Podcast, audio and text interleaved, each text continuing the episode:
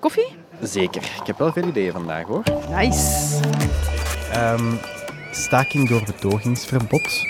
Je mag niet vernielen, je mag niet... Ja, dat is waar. Is dat dan nog nodig? Ja, je kunt toch sowieso opgepakt worden als je geweld pleegt. Is het recht op betogen in gevaar? Na anderhalf jaar oorlog begint de munitievoorraad van Oekraïne stilaan op te geraken. Tegenslag na tegenslag. Hoe staat Oekraïne er nu voor? Wat is er nu weer in Kesselo? Weer drie auto's uitgefikt. Vuur weer ontstaan bij een elektrische auto. Dat is niet evident om te blussen, hè, een elektrische auto. En hoe ontvlambaar is een elektrische auto?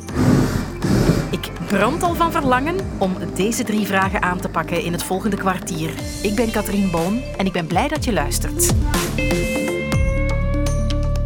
Hebben jullie veel betoogd al? Ooit? Nee, ja, ik ben echt te braaf Nee? daarvoor. Oh, Ik ook In mijn niet. studententijd heb ik, heb ik wel eens meebedocht tegen de verhoging van de inschrijvingsgelden. Ja. Ik ging als kind, als zevenjarige, betogen tegen de kernraketten. Mai. Ja.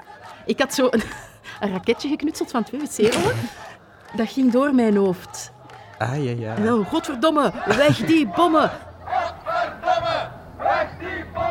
In de jaren 90 tegen Saddam Hussein ben ik ook met de Giro. Ja, een van de golfoorlogen. De welke weet ik niet meer goed, maar dan gingen wij ook wel de straat op. Ja, dat was ook gewoon, eerlijk gezegd, een toffe dag. hè. Je ging naar Brussel, daar werden liedjes gezongen. Dat was, ja. Jij deed dat voor de gezelligheid. Is echt Wa- nee, maar dat was gewoon een vibe, denk ik. Ja. Tot zover mijn verleden als betoger. Maar ook vandaag is betogen nog altijd een middel voor veel mensen om te protesteren en hun mening te laten horen. Verzet! Verzet!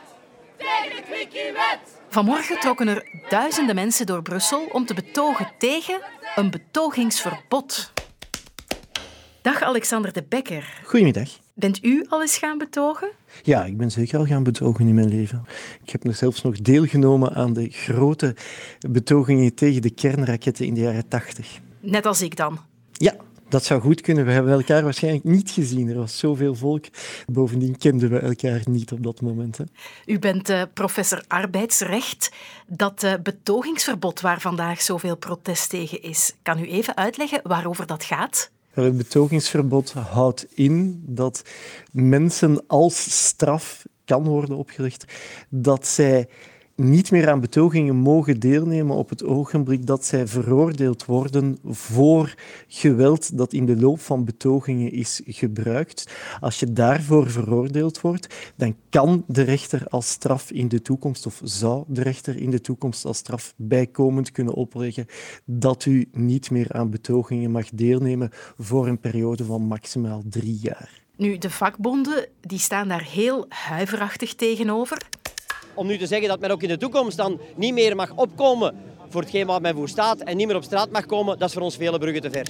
Is die vrees van de vakbonden terecht? Is het recht op betogen hier in gevaar? Niet helemaal. Ik denk dat het iets wat overtrokken is om in zijn algemeenheid te zeggen dat het recht op betogen in gevaar is. Het is nog altijd zo dat mensen vreedzaam mogen protesteren. Alleen, en daar zijn behoorlijk wat vragen over, zie ik in alle adviezen die er zijn geweest, dat de vraag is hoe proportioneel is dat? Is het zo omdat iemand een steen geworpen heeft en daarvoor veroordeeld wordt? Is het dan proportioneel om die persoon gedurende een periode van zes maanden, een anderhalf jaar tot drie jaar het recht te ontnemen om nog aan demonstraties deel te nemen. Daar zijn behoorlijk wat vragen bij te stellen in het licht van het Europees Verdrag voor de Rechten van de Mens. Ja, aan de andere kant hoor ik dan eh, minister van Justitie van Quickenborne dit zeggen. Mensen die met een bivaksmuts aan en een hamer op zak eh, geweld en vernieling zijn. Vaak dezelfde mensen het zijn die mensen wiens recht op betogen we willen ontnemen, omdat ze het recht op betogen in gevaar brengen van al die vreedzame mensen.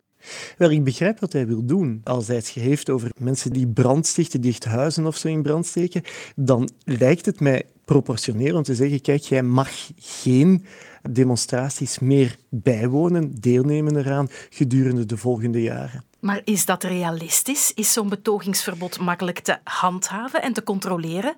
Helemaal niet. En daar is precies het grootste probleem. Je kan niet preventief iedereen gaan controleren voor men aan de betoging begint, want dan ondermijn je het recht op betogen volledig. Dus je kan niet in praktijk iedereen vooraf gaan controleren. Dat betekent dus dat je pas kan vaststellen op het ogenblik dat mensen deelnemen aan de betoging en dus dat verbod met voeten treden. En dat is heel moeilijk, want hoe ga je dat doen? Ofwel moet je at random gewoon beginnen controleren, maar de kans dat je die er dan uithaalt is heel klein. Ofwel, en dan zit je met privacyproblemen, ga je overal camera's hangen om mensen te gaan, potentieel te gaan identificeren. En dat is waarschijnlijk wel te verregaand om dit verbod te handhaven. Dus het is meer een symboolmaatregel die je oplegt en die ook eventueel kan helpen als zo'n amokmaker, om het zo te noemen, een tweede keer over de schreef gaat om vast te stellen dat hij zich absoluut niet aan dat verbod houdt en dus misschien daarna nog een strengere straf te kunnen opleggen. Maar het probleem blijft dat de handhaving daarvan nauwelijks realiseerbaar is. Dus zelfs als zo'n betogingsverbod er komt, dan zal het in de praktijk nog niet makkelijk worden om dat ook echt uit te voeren. Absoluut niet, dat is correct. Deze M113 uh, gepantserde voertuigen zijn een van de weinige echt concrete zaken die ons land schenkt aan Oekraïne. Het gaat om oude toestellen, maar ze worden wel gemoderniseerd. Het difficile ici dans, dans le véhicule, c'est le démontage de l'ancienne tourelle. Tientallen oorlogsvoertuigen worden in ons land klaargemaakt om naar Oekraïne te vertrekken. En dat is misschien een klein lichtpuntje voor president Zelensky daar. Want de afgelopen maand kon je moeilijk een succes noemen voor Oekraïne.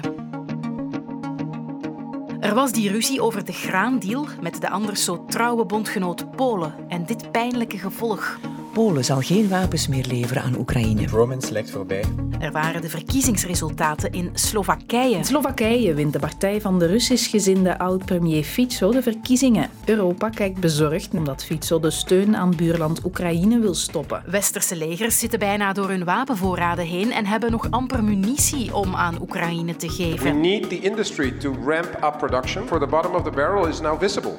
En dat lang verwachte offensief tegen Rusland, tja, dat zit toch wel in het slop. Ik denk dat we eigenlijk op het punt gekomen zijn dat we moeten vaststellen dat dat lenteoffensief gefaald is. En vandaag nog eens tientallen doden bij een Russisch bombardement in Kharkiv. Kortom. Goeiedag met Tom Simons. Het lijkt alsof de pionnen op het spelbord niet bepaald in het voordeel van Oekraïne schuiven. Uh, de ene tegenslag naar de andere, ja. Dat klopt zeker, ja. ja. En Tom Simons kan het weten als luitenant-kolonel en docent aan de Koninklijke Militaire School. Hij maakt zich vooral zorgen over het dreigende munitietekort in Oekraïne. In het Westen hebben we de, de grootste nood geledigd eigenlijk door in onze stoks te gaan graven. Ik denk dat men in Rusland uh, toch wel uh, sneller is geweest om dus de fabrieken eigenlijk sneller te doen produceren, oude fabrieken terug in gebruik te nemen. Dus we zien dat Rusland, dat is een autocratische staat met één duidelijke chef, Poetin, die kunnen veel makkelijker hun industrie gaan omschalen naar een oorlogsindustrie waarbij een aantal uh, vredesindustrieën zeg maar, moeten wijken voor de oorlogsinspanning. Wat in het Westen moeilijker is, ook al omdat wij niet direct bij dat conflict uh, betrokken zijn natuurlijk. Oekraïne probeert nu zelf ook een eigen oorlogsindustrie in samenwerking met westerse bedrijven op te richten, omdat zij uh, beseffen dat het sneller moet en beter moet wellicht ook. Hè. En dat in combinatie met het Oekraïense offensief dat tegenvalt, dat is geen goed nieuws. Het Oekraïense offensief had eigenlijk het potentieel om het conflict militair te beslechten. Maar dat is er niet uitgekomen. De frontlijn is een klein beetje opgeschoven. Oekraïne heeft enkele honderden vierkante kilometers, 350 vierkante kilometers kunnen heroveren. Maar dat is peanuts ten opzichte van het gebied dat ze wilden heroveren. En die frontlijn die ligt vast. Ik zie op dit ogenblik nog Oekraïne, nog Rusland in staat om die uh, loopgraven van de vijand te doorbreken. En dan krijg je een scenario van een meerjarenoorlog. En dan ja, telt vooral de wet van de grootste. En in dit geval is dat absoluut Rusland. Met westerse hulp kan dat uh, Oekraïne nog zijn. Als die westerse steun wegvalt, ja, dan is het toch wel David uh, tegen Goliath. Uh, tegen Rusland, het veel grotere Rusland, met veel meer bevolking, met dus een veel groter recruteringspotentieel, maar met dus ook een gigantische oorlogsindustrie die er blijkbaar in slaagt om alle sancties te omzeilen en dus toch aan westerse componenten te geraken voor hoogtechnologische wapens.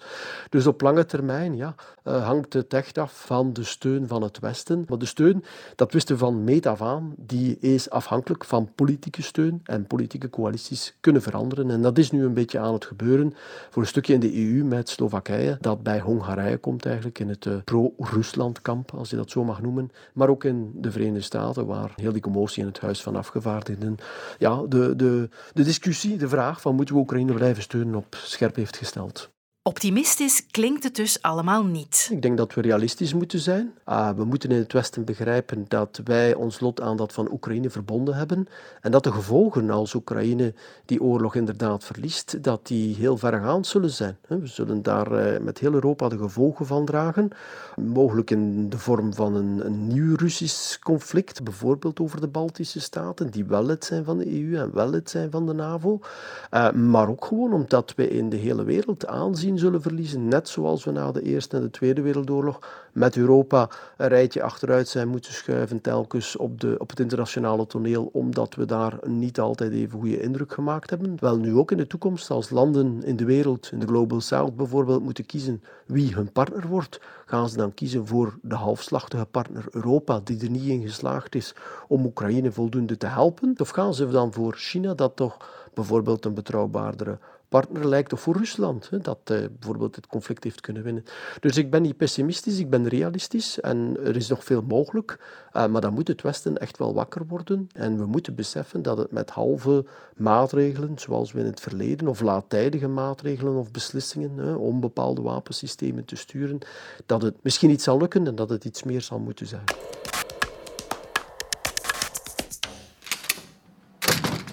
Ik ben even naar buiten gelopen nu, naar het eh, parkeerterrein van de VRT. En er staan hier, en ik ga eens stellen, 1, 2, 3, 4, 7... Er staan hier zeker 10 elektrische auto's op een rij.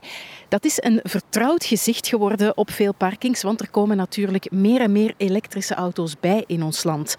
Maar gisteren is het serieus misgelopen op een parkeerterrein. Nog in Leuven in deelgemeente Kesselo zijn gisteravond rond 8 uur drie auto's uitgebrand op de parking van de Delijze. De politie van Leuven bevestigt dat op camerabeelden van de supermarkt te zien is hoe een elektrische auto vuur vat en het vuur overslaat op twee andere auto's. Op de beelden zijn ook jongeren te zien die met bommetjes aan het spelen zijn. De politie onderzoekt nog of het een met het ander te maken heeft.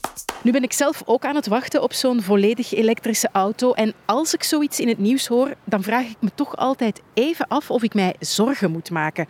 Ik heb daarom drie vragen voor Bastiaan Rijmer, expert autotechnologie aan de Thomas More Hogeschool. 1. Wanneer kan een elektrische auto in brand vliegen? Elektrische auto's zijn slechts ontvlambaar als er problemen zijn. Dat is natuurlijk van belang. Die gaan niet spontaan gaan ontbranden. Nu, in die wagen zijn heel veel beveiligingen ingebouwd om te voorkomen dat die wagen natuurlijk in brand gaat schieten. Die wagen meet bijvoorbeeld zelf telkens bij de opstart en tijdens het rijden of dat er geen elektrische fouten zich voordoen, dat de isolatie intern in het systeem, in de batterij, in orde is. Moest daar toch een probleem zijn, dan zal het systeem zich in eerste instantie uitschakelen. Als er daar nog een probleem zit met het uitschakelen, dan kan het in uitzonderlijke gevallen zijn dat er kortsluiting uh, gaat ontstaan. En die kortsluiting die kan dan zorgen voor een warmteontwikkeling en brand nadien. 2. Is de kans dat dat gebeurt groter dan bij een auto met benzine of diesel? De elektrische wagens zijn in C niet ontvlambaarder dan wagens op brandstof, ja, op eh, klassieke brandstof. Zo'n brand ontstaat alleen wanneer er een probleem is bij de wagen. En we zien niet dat uh, elektrische wagens veel vaker een probleem hebben dan wagens op klassieke brandstof.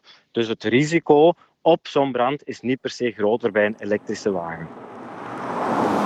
En drie, waarom hebben we dan toch de indruk dat elektrische auto's vaker vuur vatten? Wel, dus een elektrische wagen, afhankelijk van het type batterij, gaat wat we noemen een thermal runaway hebben. Daarbij gaat de cel bij ontbranding zo warm worden dat het de volgende cel aansteekt. En die vlammen die zijn zo heftig, zo warm, dat dat eigenlijk zeer moeilijk te blussen is.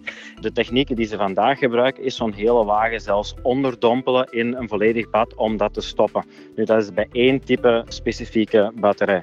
Het resultaat, het eindresultaat van brandende elektrische wagen is dus vaak veel spectaculairder dan het uitbranden van een normale wagen. En dat zorgt voor een spectaculairder eindbeeld, zal ik zeggen. En daarom wordt, worden die branden vaak wordt daarover bericht in de media. En dus kan het lijken alsof dat die elektrische wagens vaker ontbranden, wat dat in de praktijk niet het geval is. En zo zijn er weer drie actuele vraagstukken opgelost in dit kwartier. Laat gerust weten wat je ervan vond op je favoriete podcastplatform. Morgen zit Lode opnieuw aan het stuur. Weet jij wie het eerste domme blondje was? Of waarom we boer roepen? Ontdek het in de podcast Snelle Geschiedenis met Sophie Lemaire. Nu in de app van VRT Max.